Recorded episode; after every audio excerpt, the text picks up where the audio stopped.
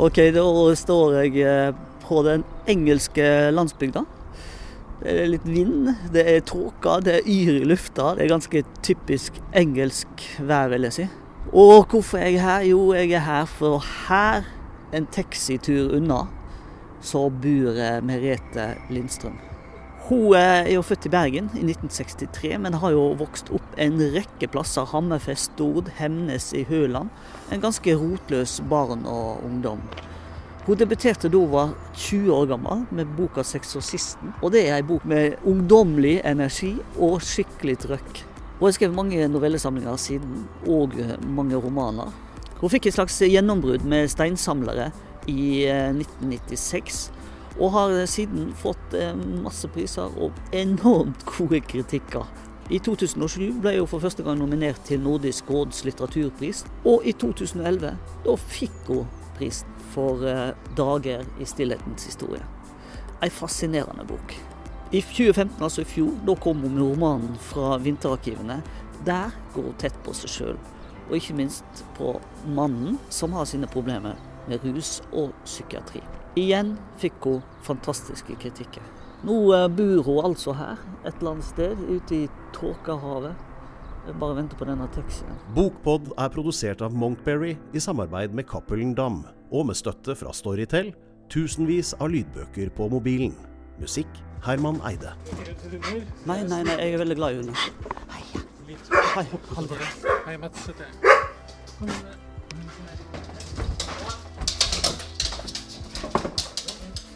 Heter. Hei. Hallgeir. Endelig. Nå sitter vi her, og du må nesten forklare hvor vi sitter.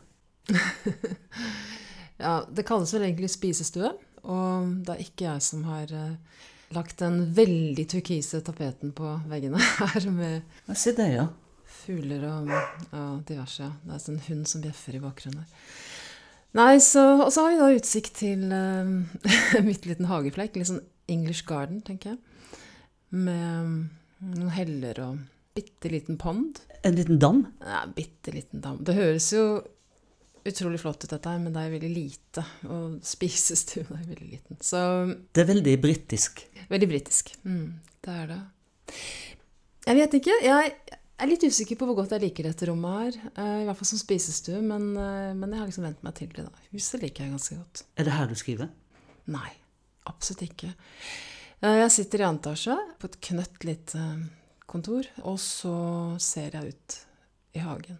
Det er en del duer og sånt. Borti landsbyen her er faktisk et stort tre som kun har helt kritthvite duer. Det er bare de som holder til der. Oi. Utrolig fint. ja. Byen, eh, hva den heter igjen? Hø Hurstby Point. Hvordan i all verden fant du den byen? det er en bitte liten landsby. Mm. Egentlig litt tilfeldig.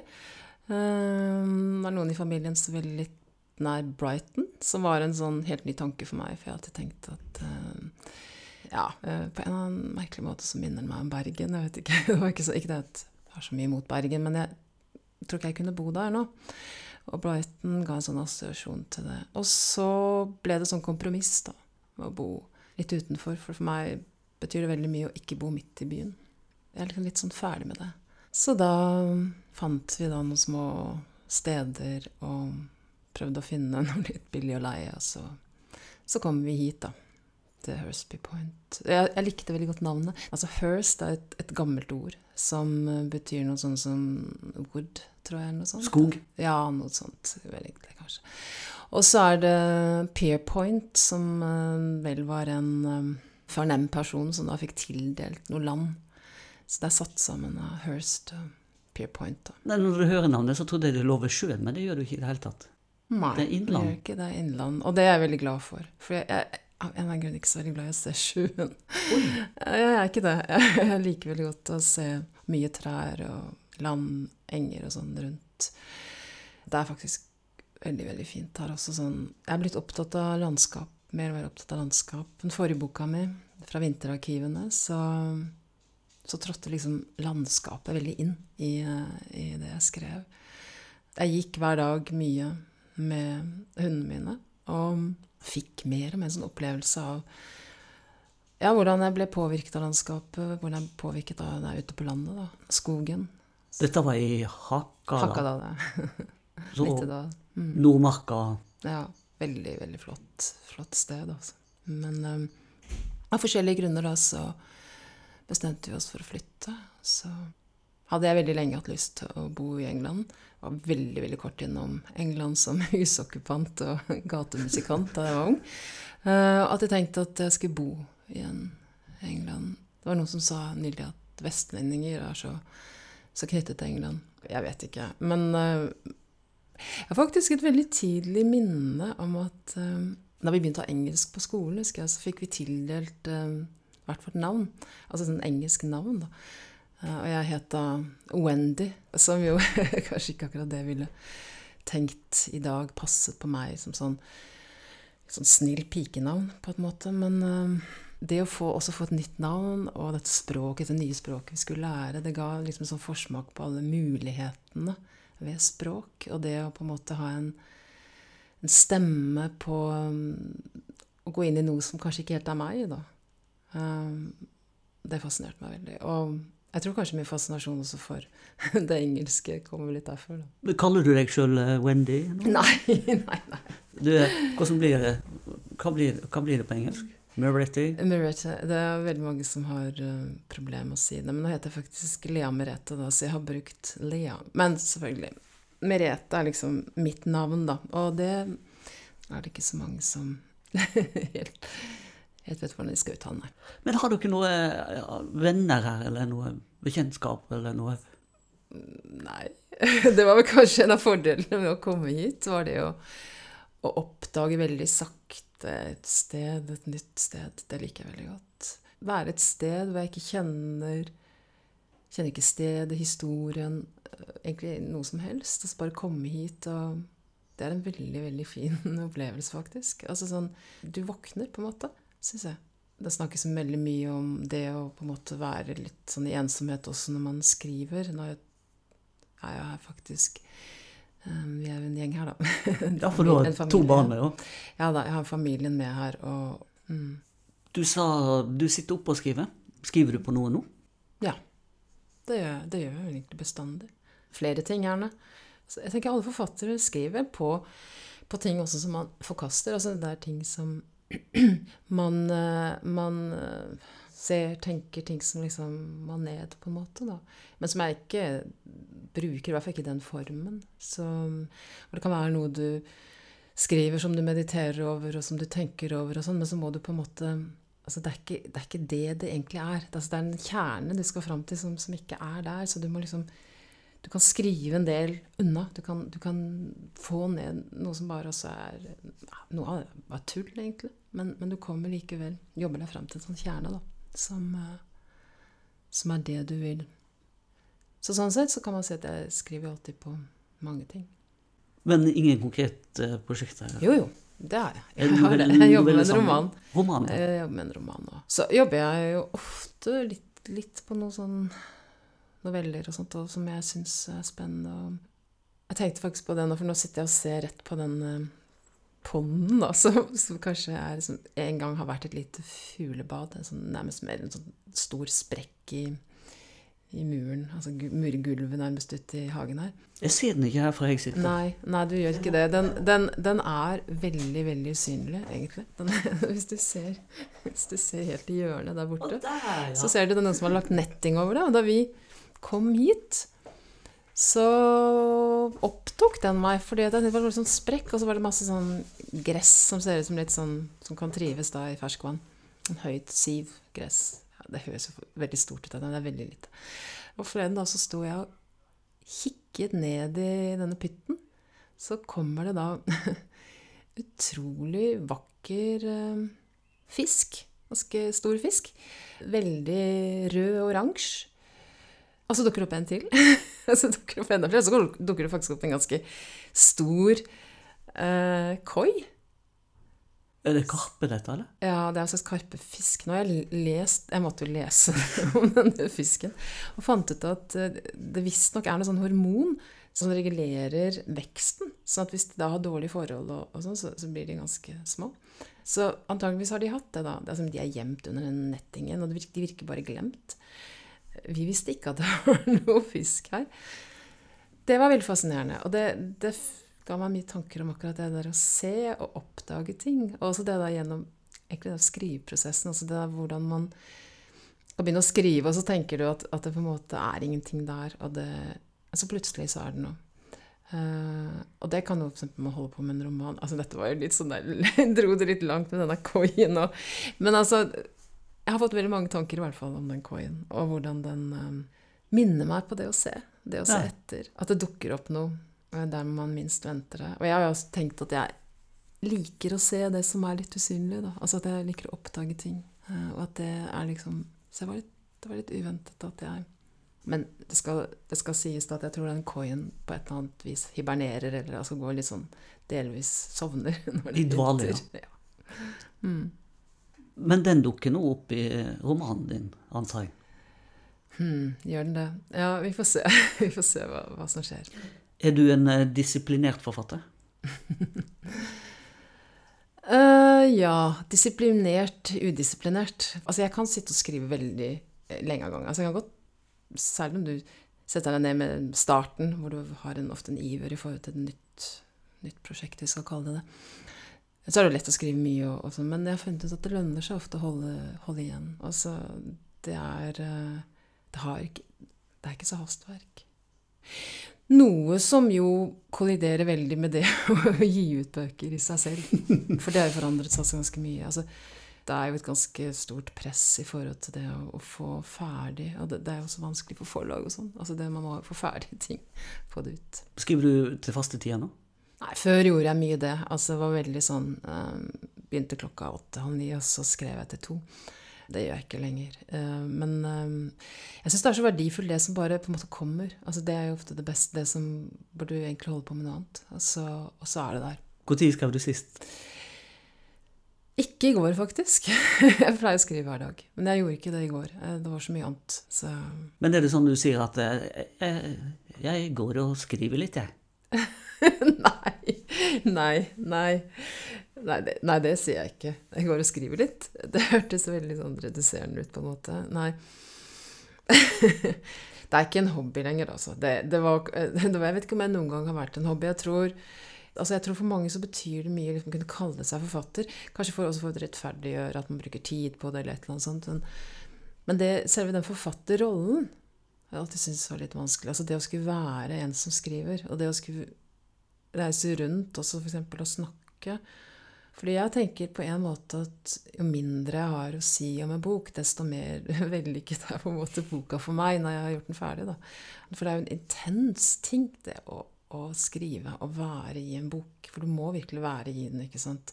Altså, altså, Du går jo så inn i det. altså Du må Hvis det da er noe jeg skal skrive om, nesten hva som helst, snegler, så går jeg veldig inn i akkurat det. Så Sånn sett er det en veldig fin anledning til å lære mye. Å skrive. Ja, men det, det er det. altså på, på flere plan. altså Det er en ting at det er min måte å lære på. Altså det å forstå verden, på en måte. Altså Skape en slags orden og noe som er veldig viktig for meg.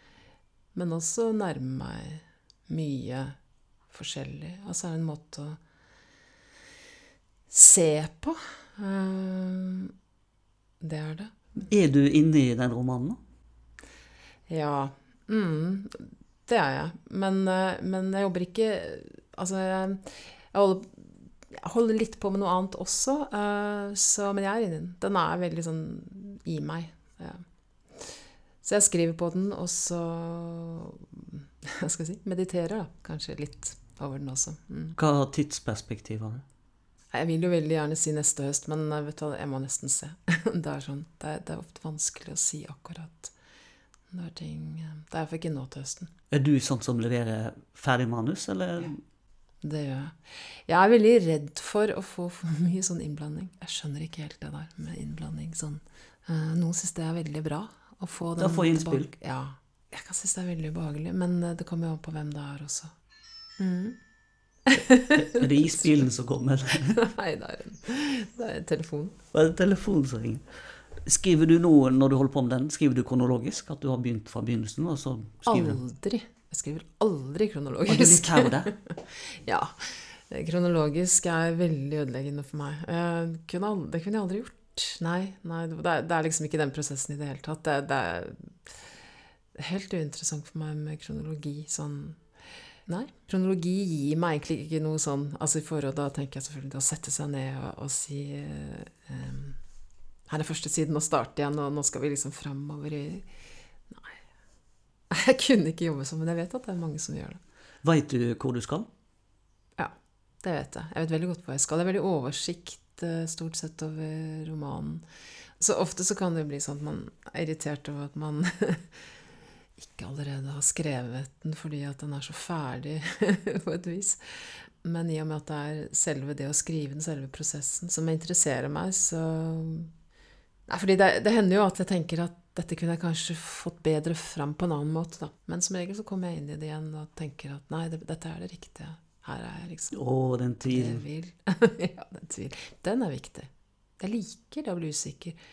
Det jeg ikke liker, det er å bli så usikker at jeg At jeg ikke føler at språket helt bærer det prosjektet, da. At det ikke helt liksom Og det er gjerne en sånn tvil som dukker opp, som jeg har funnet ut etter hvert at, at det egentlig dukker opp som har mer med ytre omstendigheter å gjøre. Og det har ikke med konsentrasjon å gjøre, for jeg kan skrive hvor som helst, egentlig. Altså. Jeg kan, kan sette meg ut i hagen og sette på ja, Kanskje ikke hornmusikk, men altså jeg, jeg, kan, jeg, kan, skrive ganske mye overalt. Og har gjort det òg. Jeg skrev faktisk en novelle her nå på sånn oppdrag. Og begynte på den før jeg flyttet fra det huset som jeg har flyttet fra i Norge. Begynte på den der, fortsatte mens jeg bodde i en sånn leilighet i Oslo hvor det var Dere mener en oppussing uh, utenfor, så det var et jævla bråk. Det var en, uh, en sånn uh, jeg, tror, jeg, jeg, vet ikke helt hva de gjorde, men de rev ned noen verandaer og sånn, så det var en sånn boring og helt Fortsatte da på motorveien nedover Europa og skrev. Satt og skrev. I bilen? I bilen. Jeg, jeg kjørte ikke, bare for å få sagt det, da, i tilfelle noen var redd for det. Uh, og så da i Deal Eh, så det var et sånt hus vi bodde i da vi nettopp kom hit. Skrev der, og avsluttet novellen her. Etter at vi kom hit til dette huset. Kan det, du se det på novellen, at den er skrevet ulike plasser? Jeg føler at det er litt skryt å si at nei, det kan du ikke, men, eh, men eh, jeg syns ikke det, altså. Du er jo kanskje mest kjent av å ha vært som novelleforfatter. Mm. Og eh, Askildsen han skrev om novelleskriving. Det er som å fiske og prøve å holde fisken på kroken. Er det noe du kjenner igjen? Ja, jeg skjønner hvorfor han sier det. Så mye lyder her. Eh, jeg skjønner hvorfor han sier det med å holde fisken på kroken, fordi noveller er så konsentrert. Fordi man, man liksom Jeg syns det er noe intenst i noveller, og det kan man kanskje sammenligne med akkurat det. Denne spenningen også, som er i det å fiske, eller se om den blir, blir værende der man, man, tenker at akkurat dette her må, det må være akkurat sånn, og det må, man må klare liksom å beholde akkurat den følelsen, akkurat det som egentlig noveller kan. ikke sant, Nettopp skrive den følelsen, eller det ene øyeblikket det, hvor ting skifter. det som så, Sånn sett så tenker jeg at det, det er riktig. Men, men uh, samtidig så tenker jeg også at, at, noveller er veldig mye forskjellig, um, og uh, sikkert for forskjellige forfattere. og noen noveller er jo faktisk ganske lange, og ligner jo mer på den prosessen som har med, med, med romanen å gjøre. Men jeg har, etter jeg kom hit til England, så har jeg i stor grad oppdaget hvor populært um, hva heter, The Novella er det vel egentlig den heter. Altså den um, mellomtingen mellom en uh, short story og en uh, novel. Som da Novella. Som er en mye kortere roman. Og det er en snedig form, altså. Fordi at du får da noe av novellenes konsentrasjon, og eh, kanskje litt mer av romanens eh, Litt feil å si det, men utvidelse av perspektivet. Uff. Eh, det var kanskje ikke riktig å si. Men ja, basically. Hvor lang er en novelle? Ja, så Den kan jo da være en 100 uh, sider. Så det er et, et format, eh, novellaen, som jeg kunne tenke meg egentlig å utforske litt. Altså. Har vi noe norsk navn på det? Kortroman, tror jeg kanskje Kortroman, ja. blir. Mm. Det, det, som er fascinerende med deg at du har så utrolig mange ulike fortellerstemmer. Mm. Det har du alltid hatt. Unge, gamle, kvinner, menn. Ja, det var vel egentlig også det som satte meg i gang å skrive, tror jeg. At du ser fra forskjellige perspektiv. Nei, men det er muligheten for det. Altså, jeg begynte å skrive ganske tidlig, og ved siden av mange andre ting som interesserte meg, så var det liksom sånn Jeg, jeg kan huske at jeg var sånn som elsket å sitte og en sånn grammatikkbok på skolen. Du vet, det var sånn stiplet linje, og så, og så norskbøker og sånn. ikke sant? Så kunne du skrive inn f.eks. føye til et adjektiv. Jeg kan huske veldig godt at jeg elsket å gjøre det. Bare sitte sånn og se hvordan språk, hvordan setning forandret seg på sånn enkelt vis. Og allerede den gangen så likte jeg det. En sånn tempus. og sånn. Uh, du er jo født i Bergen. Mm. Ja. 1963. Mm. Du fikk navnet Merete. Er du oppkalt etter noen? Nei, eller ja, på en måte. Jeg tror moren min, eh, som eh, hadde danset ganske mye ballett hun, uh, Det var en ballettdanser eller noe sånt, tror jeg hun nevnte, som het Merete. Men jeg vet ikke hvem det er. Din mor hun var billedkunstner. Mm. hun var ikke billedkunstner da. Hun gikk Jeg gikk på kunsthåndverksskolen, og hun traff faren min. Og så mm, var hun eh, Hva heter det? Formingslærer i mange år. Og din far han var eh, interiørarkitekt og Mm. billedkunstner. Mm. Eh, Etter hvert billedkunstner, han også, ja. Mm. Lindstrøm, det er jo eh, annet et hotell i Lærdal som Ja. heter Lindstrøm hotell. Og det er familien din på Ja, farssiden sitt. Mm. Det var din eh, farfar. Ja, som kom fra den familien, ja. Mm. De et hotell. Og så er det noe sånn kunstnerisk på Ja, Rumor. altså Knut Romor var eh, fetter til min far. Mm. maleren. Ja. Du har kunstnerblod i deg, kan man si. Ja, man kan ka- kalle det det. Jeg har en morfar også som var em, pianist. eh, og jobbet på konservatoriet. Og komponerte og malte. Og eh, han også. Eh, og jeg har en kusine som er billedkunstner. Så det er mange Men også mange arkitekter. Ja, onklene dine er arkitekter. Så det er kunstnere og arkitekter og litt sånn forskjellige. Mm. Og din farfar, han var jo Johan Lindstrøm, Ja. som er jo en kjent bergensarkitekt. Tegner masse ja, forskjellig. og han sto for det eh, oppussingen av Håkonshallen. Eller altså, han hadde et sånt Han vant en sånn konkurranse en gang om en sånn forslag til det. Han døde vel rett før sønnen måtte ta over. Ja, han var på 50-tallet. Mm. 58. Du vet mye om familien min. Det er Wikipedia, det står alt det. Men du flytta veldig mye på deg. Det òg står på Wikipedia. Det var Hammerfest, Stord og Hemnes i Høland. Har jeg glemt noen steder, da?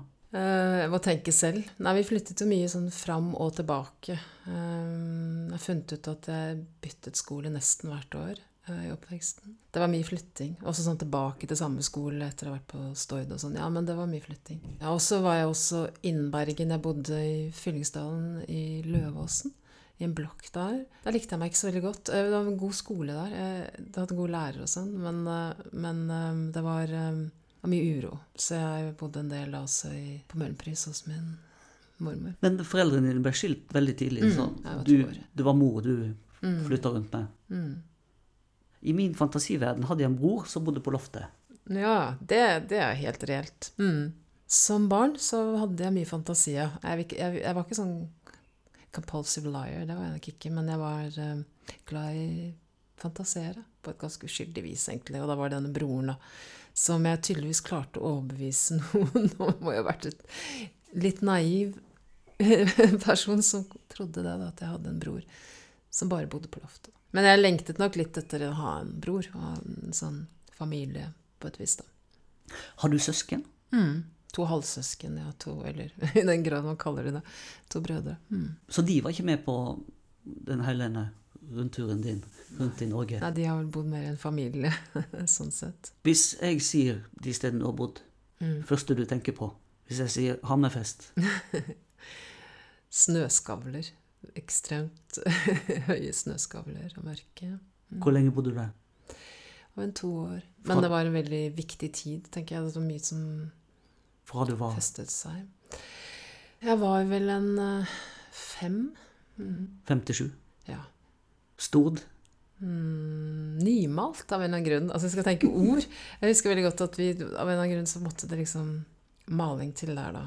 Det husker jeg var veldig sånn nymalt. Og det rakk vel malingen knapt å tørke før vi flyttet igjen, for det var bare et halvt år. Mm. Hvor gammel var du da? Eh, Da var jeg vel ni år. eh, Og nynorsk, selvfølgelig.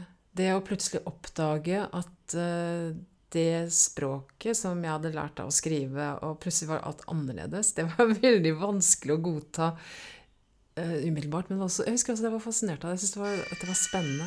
Men nå må jeg, jeg må bare slå av den der. Kan vi, kan vi være enige om det? At jeg må bare gjøre det. Jeg tror ikke jeg, jeg skjønner ikke, for den pleier jo aldri å gjøre seg. Så jeg skjønner ikke hvorfor. Så. Så jeg håper at den holder. Nei, stort. Det var nymalt og nynorsk. og Hemnes i Høland. Hva du tenker på da? Eh, Hemnes i Ørland? Ja, altså jeg bodde vel egentlig på Løken i Ørland. Men eh, jeg husker godt fra Hemnes, eh, familien eh, til en eh, god venninne av meg, som foreldrene hennes billedkunstnere, også venner av, av min familie, da. Og der var jeg mye. Jeg har veldig gode minner fra, fra den øya, og egentlig fra hele området der. Ei øy? Så, ja, en sånn liten øy som ligger ute i Hemnesjøen. Bitte liten øy. Når bodde du der? Jeg bodde der vel eh, s- jeg vet ikke, 76, 77, 78. Mm. Og da var du 13, 14, ja. Du må ha gjort deg rotløs. Ja, det er klart at på en eller annen måte så påvirker det.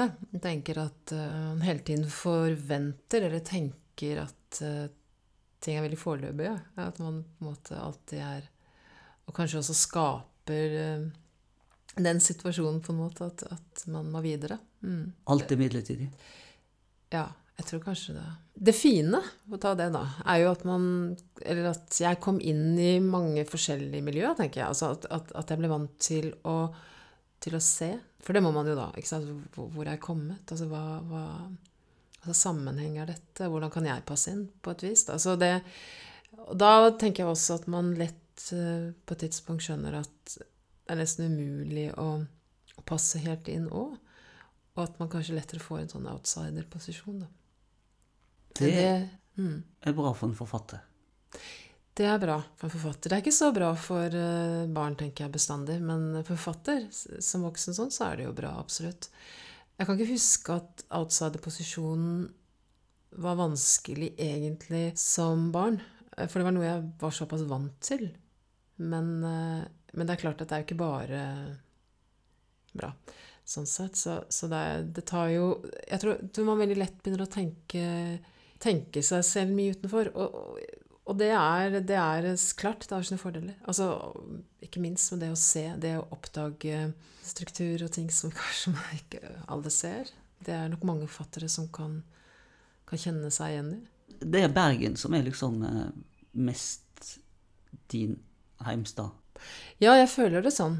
Så, jeg også gikk på videregående der, og mm, på katedralskolen. Katten. Snakk litt bergensk. Snakket bergensk, ja. Jeg får høre når du sier noe etterpå. Ja, hva skal jeg si? Jeg vet ikke. Det er ikke så lett å finne igjen bergensken etter så mange år. Det høres så riktig ut. Ja, Ikke, ikke for noen fra Bergen, tror jeg. Jeg tror ikke det passerer. Bøkene var en trøst, har du sagt, eh, i ungdommen. Um, trøst, ja. Uh, I hvert fall noe som opptok meg veldig. Og um, det var vel først og fremst da jeg flyttet til Bergen at jeg, at jeg isolerte en god periode. Uh, Og da les- hva for noe? isolert på et vis, da. Jeg var veldig lite Før jeg begynte på videregående, så var jeg vel egentlig ganske mye alene. Uh, Det tror jeg også var litt viktig egentlig for å bli forfatter. Jeg hadde ikke så mange venner der i begynnelsen, og leste veldig mye. Veldig, veldig mye. leste bestandig. Kan ikke huske en gang jeg ikke leste. Det var liksom sånn Fra jeg gikk ut av skolen eh, om ettermiddagen, så var det lesing. Jeg vet ikke om jeg akkurat gikk og leste på veien hjem, men jeg leste meg nesten litt sånn ferdig alle de årene der, og også på videregående, så, så hadde jeg en del venner, og jeg var, var så mye ute og gjorde ting innimellom, men jeg hadde også ja, slet med en del ting. Uh, og i hvert fall da så bestemte meg for nå skal jeg legge fram alt det. Nå, nå, nå skulle jeg liksom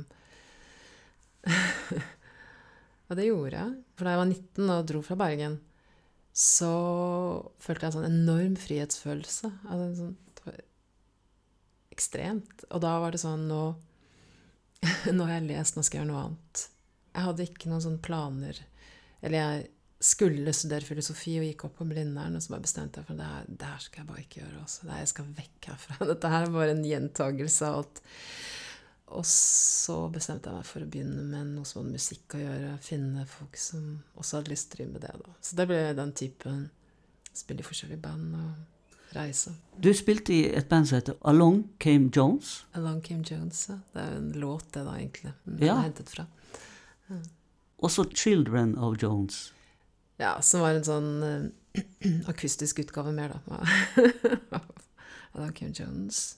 Jeg spilte jo flere band. Jeg spilte jo også hadde et band i Berlin. Jeg bodde i Berlin en liten stund. Og så og drev mye og spilte på gata rundt omkring. Og var veldig sånn i det hele engasjert i det å være med folk og lage noe. Det, det var gøy. Det syns jeg var det er, noe, det er en helt egen spenning i det å stå på scenen med andre, det å, å spille på den måten. Så det, den ekstreme energien som er i det å stå nærmest som i et sånt regn.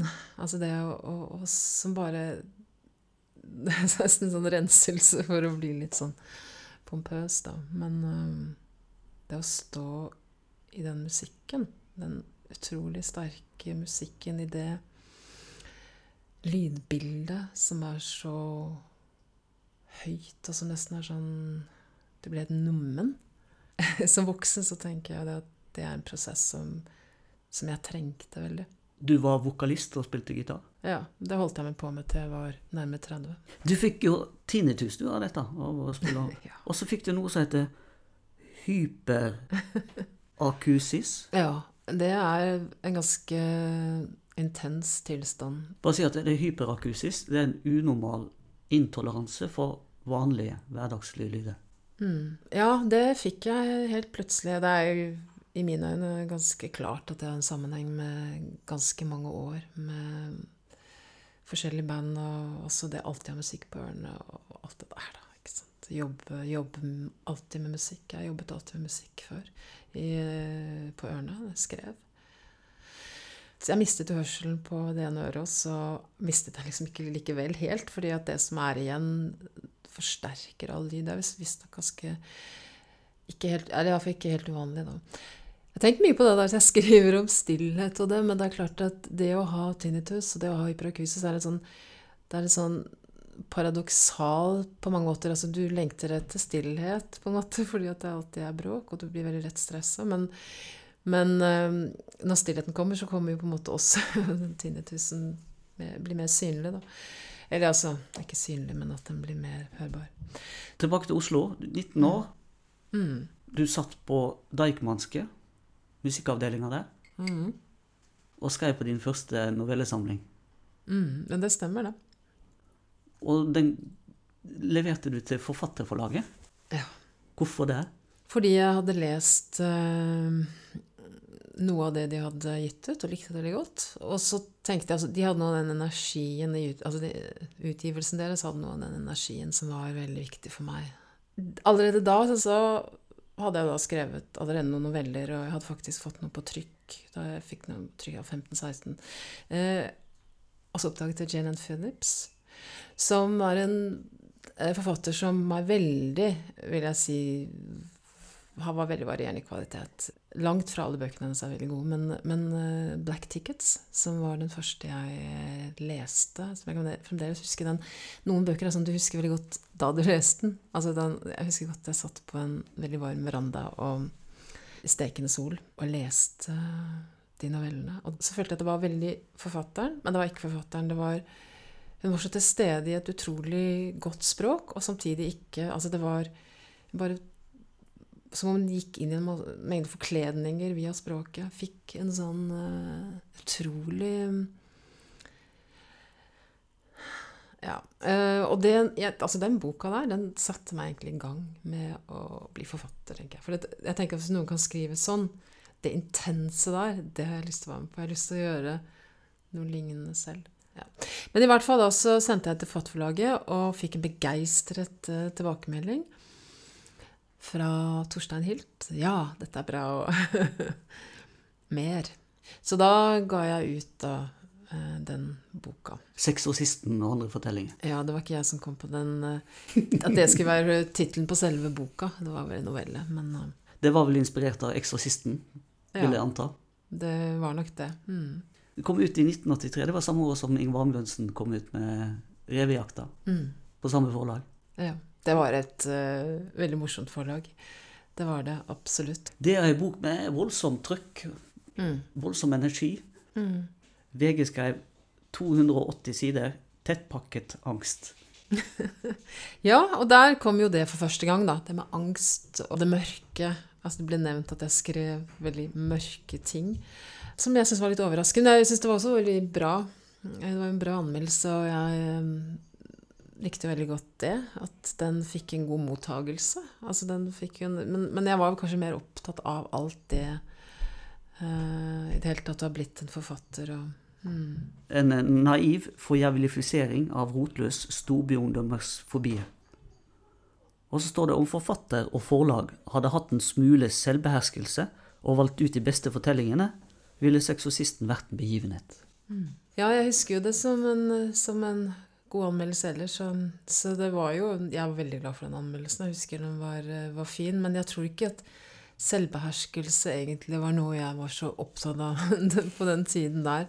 Jeg tror jeg hadde behersket meg selv i altfor mange år. Så Når du leser den boka, så er det vel noen av dine erfaringer, vil jeg tro, og det virker jo som du hadde hatt, eller hadde et sånn utagerende liv på den tida.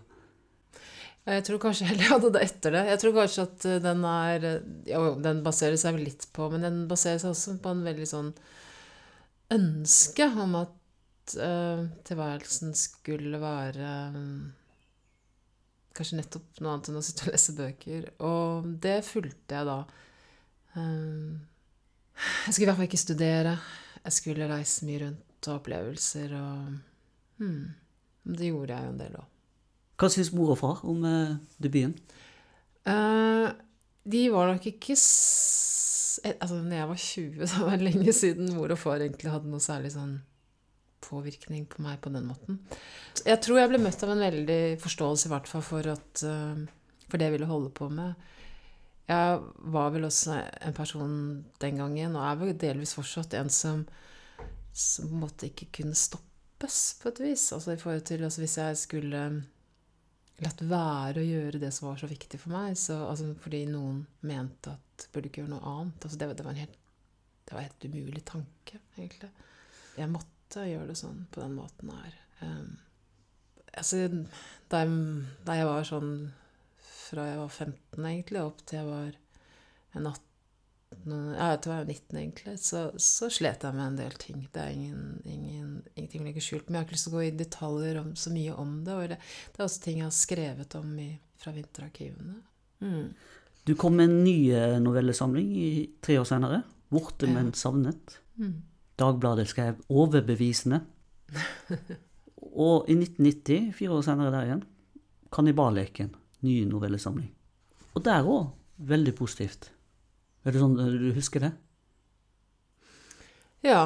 Jeg husker det som veldig sånn blir løftet veldig sånn fram. Altså at den, eller løftet videre, da, er viktigere å si. Altså at jeg ble møtt, tatt på alvor. Og, og det betydde selvfølgelig mye for til å fortsette å skrive. Og, men jeg ville jo gjort det uansett. Altså jeg ville jo fortsatt med det. Helt klart. Jeg får av og til spørsmål om- om jeg ikke snart skal skrive en roman, og føler at jeg nesten må det. Sa du den gang. Ja. Og det gjorde du. Ja, det er klart at det er en forventning. Altså det om å, bare skrive noveller er jo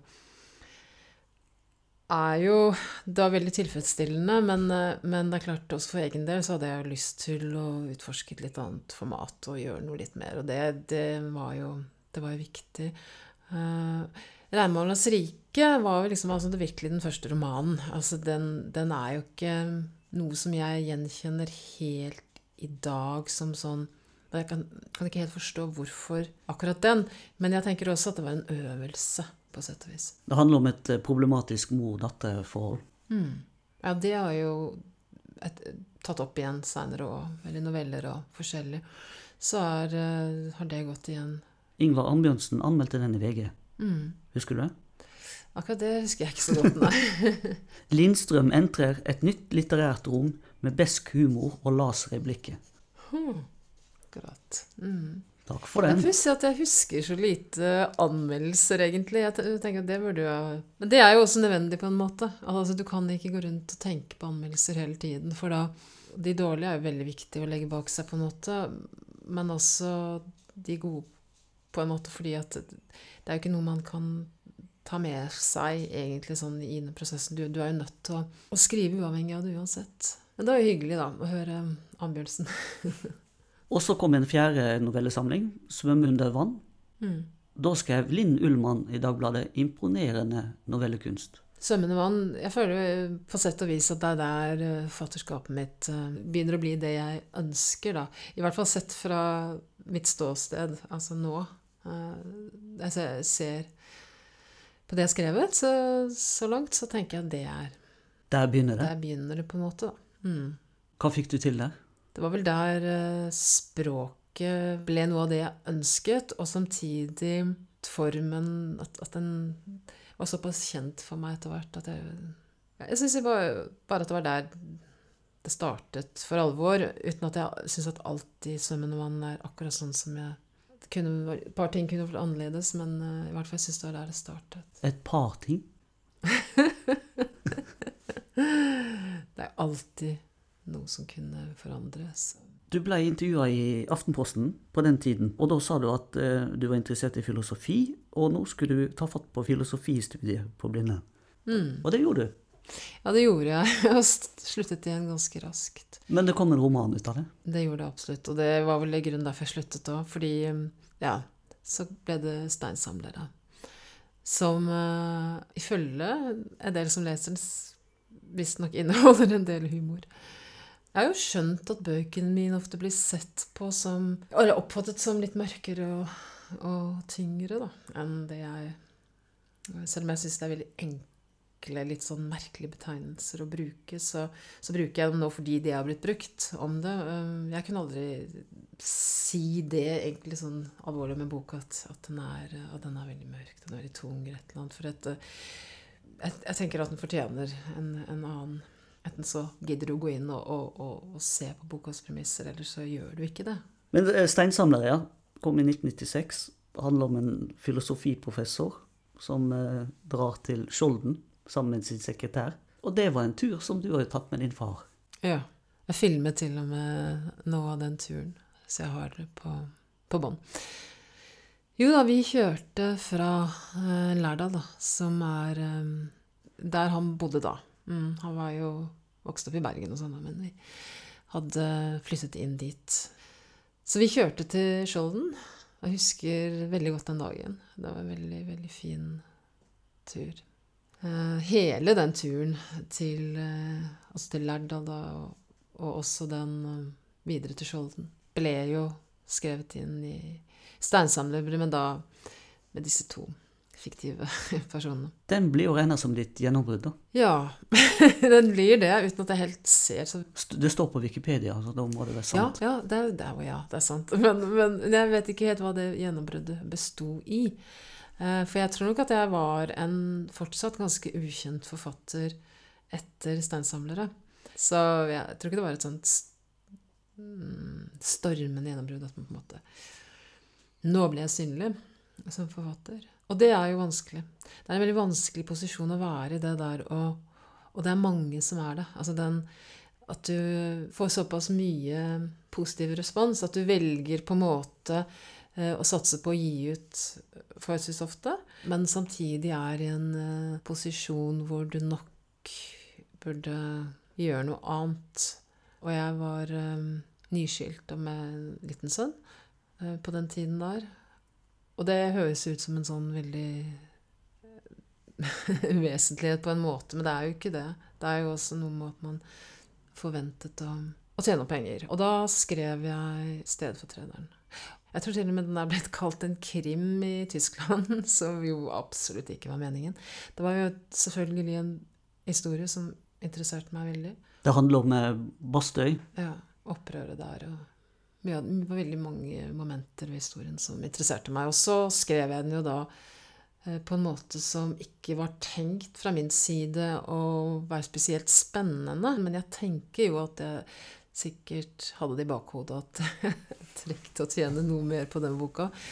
Um, for det er jo sånn på en måte, ikke sant, at det skal ikke påvirke. Men når man er ganske desperat, så gjør det det likevel på et eller annet plan. Og ja, det ble stedfortrederen, da.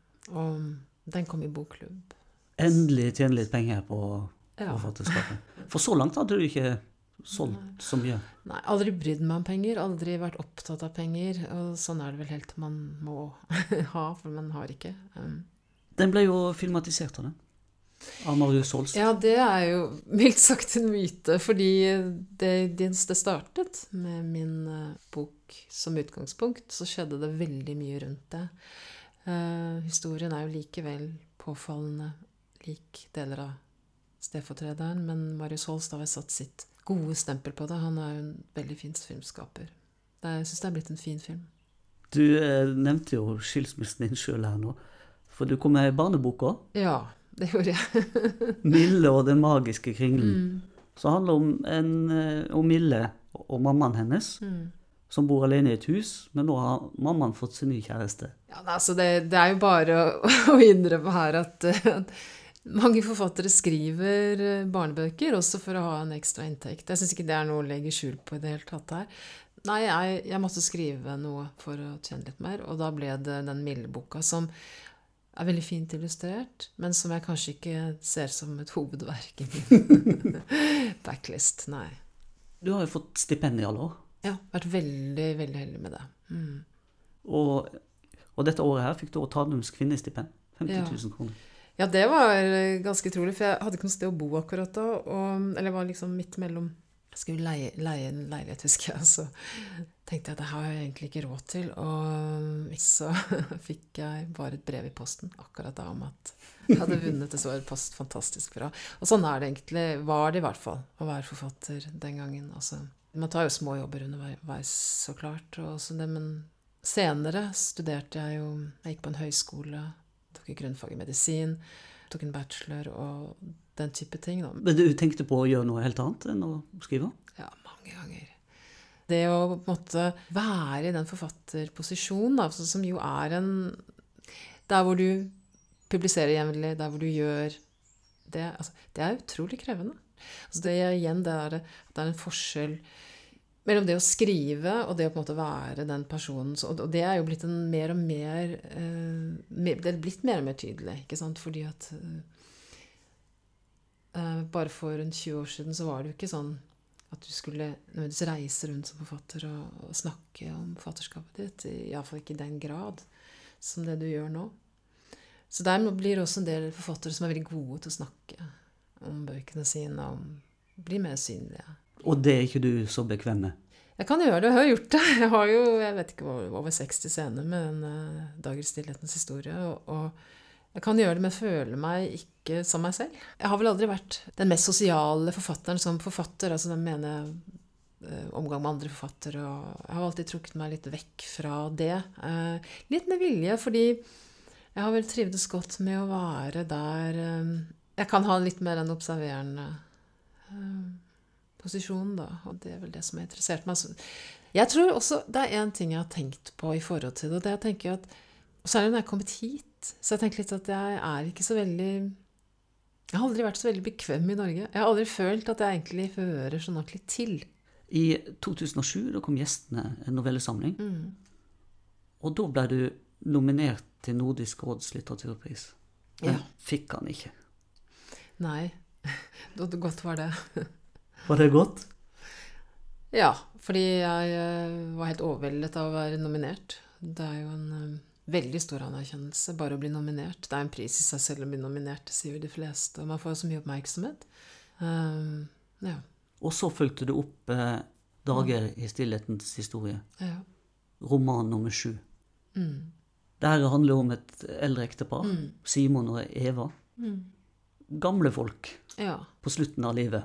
Mm. Og han har vel fått en slags demens, eller Ja, Det er jo et åpent spørsmål, og, og det er jo meningen også at det skal være. Det skal være en sånn Han har blitt taus. Han blir taus. Mm. Som din far ble på slutten av livet. Ja. Han er jo ikke direkte inspirert av faren min, men det er jo noe der. Det har vært tanker rundt det. Mm. For den boka så fikk du jo Nordisk råds litteraturpris. Og du har sagt etter det slapp jeg å forsvare at jeg er forfatter. Jeg opplevde glede ved å bli tatt på alvor. Føler du sånn noe? Ja, det, det, gjør jeg. Det er klart at det åpnet seg mye for meg. Altså, det gjorde det. Og, men jeg er jo alltid Man kan også være litt i tvil ikke sant, i forhold til det og hva det betyr, egentlig. Fordi at uh, på den ene side ønske å være synlig, og på den annen side så er det klart at jeg trenger en viss tilbaketrekning for å skrive. Så det beste som kom ut av det, var vel egentlig å ja, nettopp det. Kanskje også forsvare overfor meg selv. Å kunne, kunne, gjøre dette her. Og gjøre det på den måten jeg gjør det, da, nemlig med den konsentrasjonen. Mm. Og det gjør uh, noe med min interesse også for hodet å skrive bøker. Altså føle at det, det, På et eller annet plan så må det jo være relevant. Det må føles som noe som jeg som virkelig betyr noe. For jeg, jeg bruker jo så mye av tiden min til å sitte og å gjøre dette her. Jeg har jo virkelig ikke lyst til at det bare skal være noe som jeg produserer, og så får man en klapp på skulderen eller en eller dårlig kritikk eller god kritikk eller en pris eller hva som helst. Og så, og så er det da opp til markedsavdelingen hvordan det blir møtt, og så er det Og, og, og sånn er det jo faktisk etter veldig mange år, at det blir ofte litt sånn jabba, jabba, jabba, liksom. Altså det er en prosedyre. Jeg er sikker på at jeg ikke er den eneste forfatteren som har sittet og tenkt at ja, nå skal vi der igjen. Nå er dette gamle her som skal den skal man gjennom den, hele den malen der, og så, og så tenker man Men hvorfor gjør jeg dette? Gjør jeg det for å, å, å, bli sett på et eller annet plan, og gjerne få denne her, si, karakteren da, stemplet på at man på en måte er godkjent? Altså, det er jo ikke det. Det er, det er ikke det som er det interessante. Det må jo være fordi litteraturen skal ha en mening eller en betydning også for meg. Og jeg må innrømme at jeg har vært så lei av litteratur og skjønnlitteratur. Veldig, altså. Som man nesten ikke kan si, men jeg er utrolig lei av det. Perioder. Og jeg har sittet og hørt andre forfattere snakke og tenkt hvordan, hvordan kan de bli så engasjert i det? For det virker så dødt så mye. Hvorfor gir man det ut? Hva er den prosessen? Hva, hva, hva skjer der? Og jeg har jo også tenkt, da jeg ga ut fra vinterarkivene, så var det jo også noe med at, at det er veldig stor forskjell på å sitte og skrive og det å å gi ut, da, som jo er noe helt annet. Og da har jeg vel også tenkt dette at hva skjer hvis jeg på en måte dikterer noe av premissene for mottagelsen av boka? Det gjorde jeg da ved å si at dette her handler om meg selv. Det var jo også litt, det var også litt sånn Jeg skal ikke si at det var en performance, for det var det jo ikke. Absolutt ikke. Det er jo sant. Men ved å stå der og si det, så skjer det jo også noe. Så blir man lest på en spesiell måte, og, og noen tenker 'oi, dette var grums', og den andre tenker 'nei, dette var gjort med, med etisk Altså at man har tenkt riktig fordi språk, osv. Så, så, så det er forskjellig. Men det er jo så interessant, og jeg tenker at det er rart egentlig at vi ikke gjør det i større grad, det å tenke oss det som en helhet. Da. Alt det som er Både det å sitte og snakke om litteratur For det hele er jo nesten en performance. Altså det er en, det er en det er spesielle regler, og man får noen ganger lyst til å bryte dem også. ikke sant? Første bind av uh, Karl Ove Knausgårds 'Min kamp', det kom i 2009. Påvirka det deg?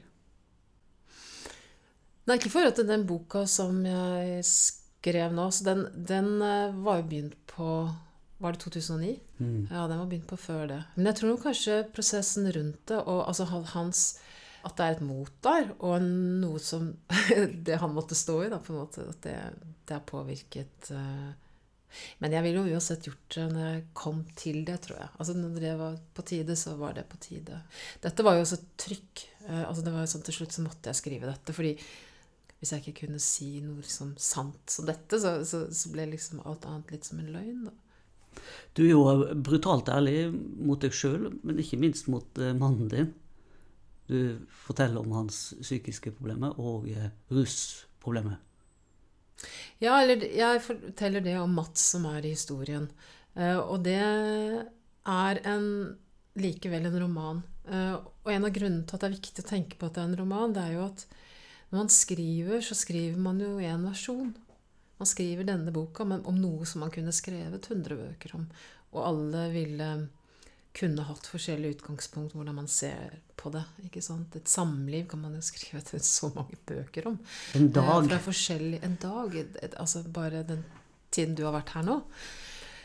Men ja, det Jeg tenker aldri på det som brutalt. Jeg tenker aldri på de tingene som er i eh, det jeg skriver, som brutalt, eller som, som eh, vondt, eller som De bare er der, og det er en form for dissekering også. Altså det å, å bruke språket til å, å gå inn i det. Og, og ja. Men det å bruke ditt navn og hans navn, Mm. ble det avklart tidlig i prosessen? ja, fordi det ble veldig rart å skrive dette du uten å Du er altså han. mm. Og derfor så ble det Det ble viktig bare å gjøre det på den måten eh, for meg. Men på et eller annet tidspunkt her i denne prosessen så må du ha sagt til eh, Mats, mannen din, at eh, nå skal jeg skrive om oss. Mm. Var det en konkret dag? Øyeblikk? Jeg husker faktisk veldig godt, for jeg husker vi sto på kjøkkenet. Det er alltid på kjøkkenet. mm. Og så sa han Oi. Ja, men det er greit. Og så er det jo det å på en måte Det som er en annens historie, da. Som man også går inn i. Og som jo på en måte er min historie, eller er mer og mer min historie. Det jeg lever oppi. Men det rare er at eh, jeg har aldri følt jeg har aldri følt at det var for nært. Jeg, jeg føler overhodet ikke noe ubehag ved at noen leser om meg. Da tror jeg ikke jeg kunne være forfatter. Jeg kan beskrive veldig mye i bøkene mine og stå for å stå fram som meg i boka. Men du har aldri gjort det så tydelig som Nei. denne gang. Men jeg kan gjøre det. Altså, jeg kan stå så tydelig som dette her i det. Men å snakke om det etterpå, sånn som vi sitter nå, eller sitte på en scene og snakke om det, da har jeg lyst til å ta et skritt vekk. I hvert fall jeg har en veldig sjenanse i det, egentlig. Du sa under lanseringen at det har vært befriende å skrive den boka. Føles det sånn fremdeles? Ja. Men det, det syns jeg at det har vært Det hadde sikkert vært befriende om jeg hadde skrevet den som et, mer som en fiksjon på et vis, men, men samtidig så måtte den være sånn, fordi jeg trengte denne henvendelsen til et du. Eh, eh, og derfor fikk den den formen. Og sånn er det jo alltid at når jeg finner formen, jeg finner den, så må det jo være akkurat på den måten. Det er jo ikke sånn at man som forfatter sitter med en uendelig måte å skrive en roman på som føles riktig. Det er jo som regel én. Det er jo egentlig en eh, veldig uh, lettelse også når du finner den formen. Uh, og det er en ekstrem frustrasjon å ikke kunne klare å skrive noe som du vet må skrives. Sånn at det er ikke alltid man har et valg. Og det tror jeg man skal være klar over. Det er ikke sånn at forfatteren uten videre kunne gjort det helt annerledes. Det at dere bor her nå, Mm. er det et resultat av den Ja, det skulle du tro. uh, nei. Jeg kunne, jeg kunne godt bodd i Norge og gitt den ut. Det var egentlig tilfeldig, sammenfallende, at, at vi flyttet hit. Men det var heldig. Det, det var det absolutt. Men jeg kan si det at f.eks. barna mine er veldig, veldig litt opptatt av det jeg skriver. Og det har alltid vært viktig at det skulle være sånn. Så, og det er, da er jeg veldig heldig. For de er virkelig ikke opptatt av det jeg driver med. Det kan jeg virkelig si med hånden på hjertet. Bruke en klisjé. Mm. Men har de lest boka nå? Nei, nei, nei. Absolutt ikke. De har ikke engang spurt om Den eldste datteren min har lest fordi jeg ba henne om å lese det som står om henne, eller den som, personen som kommer nærmest henne. Det leste hun. Men så var det jo en del avisoppslag òg i forbindelse med lanseringen, Mm. som de sikkert fikk med seg. Ja. Øh, nei, jeg tror ikke det. Jeg tror det var en som sa at det var et fint bilde, bilde av hunden vår. Det var det egentlig. Nå har jo jeg vært her i no, en del timer, og øh, det ser jo ut som det går veldig bra. Så på vegne av eh, de som har lest boka, går det bra? Ja, det er det, da, hva man på en måte ser på overflaten. Jeg tror nok det er vanskelig å se så mye bare man kommer inn et sted, om hvordan noen har det. Og det er vel også det som er utgangspunktet i mye av det jeg skriver, at, at det er ofte så mye annet. Så går det bra? Det kan jeg ikke svare på, altså. Ikke sånn ferdig på.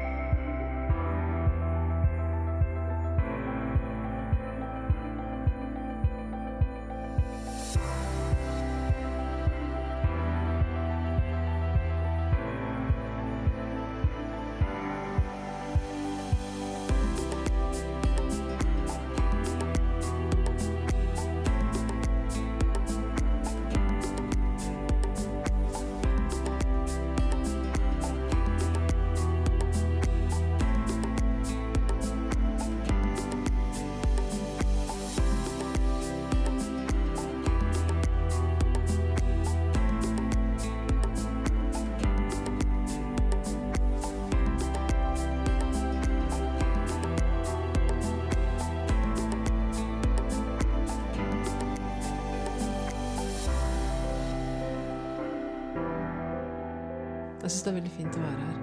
Og nå har jo alle begynt å spørre sånn Når kommer dere hjem? og så tenker jeg at um, Jeg føler at jeg er hjemme.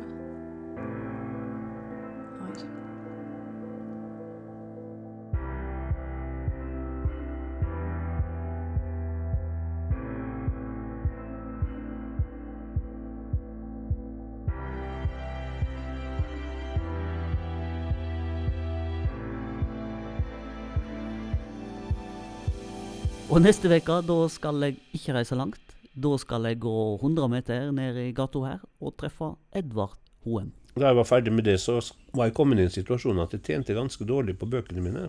Jeg fikk for så vidt gitt ut et par bøker etter at jeg var slutta som teatersjef, men, eh, og fikk fem og seks i VG og alt det der, men eh, det var dårlig salg, så jeg sa til forleggeren min at eh, mine barn og barnebarn skal også ha slalåmski. Så jeg må finne på et sideprosjekt jeg kan drive på med om natta. Og sa han ja, hva vil du gjøre da? Så sa jeg at da får jeg vel skrive om han der Bjørnstjerne Bjørnson, da.